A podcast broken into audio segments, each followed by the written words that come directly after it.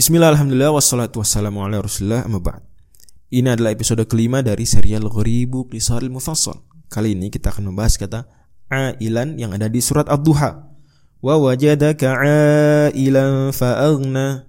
Dan Allah mendapat engkau wahai Nabi sebagai orang yang ail. Ail yani tidak berpunya, tidak berkecukupan. Fakir membutuhkan. Fa'aghna lantas Allah kayakan, Allah cukupkan. Dan memang kalau kita perhatikan kehidupan Nabi di awal-awal sejak kecil ya itu prihatin. For information bahkan Abu Talib pun bukan orang kaya. Ya. Kalau dibilang tapi kan Abdul Muthalib kaya raya. Tapi beliau meninggal dan anak beliau banyak.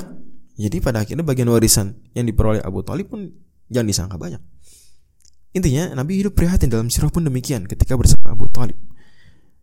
Nah, lantas Allah kayakan. Abu akan jalan berniaga misalnya.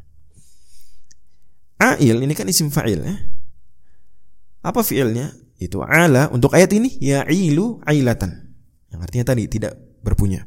Dan ailatan masdarnya ini ada di surat At-Taubah ayat 28 wa in khiftum ailatan. Kalau kalian takut kemiskinan, tak bercukupan. Ya, fasaufa yunikumullahu min fadlihi insya'a. Tapi ala punya variasi film mudhari lain dan tidak perlu kaget yang seperti ini ada kasus-kasusnya. Film madhi punya variasi beberapa fi'il mudhari' ala ya'ulu.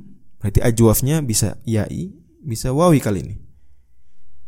Masdarnya aulan. Ala ya'ulu aulan artinya berlebih terberatkan.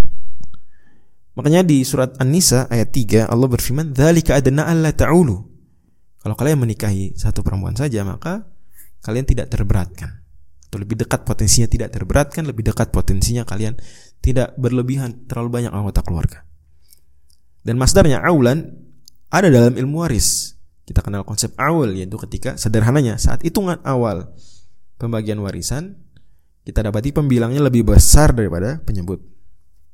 Apa ada hubungan antara ala ilu dengan ala ya'ulu? Ada pastinya karena akarnya sama.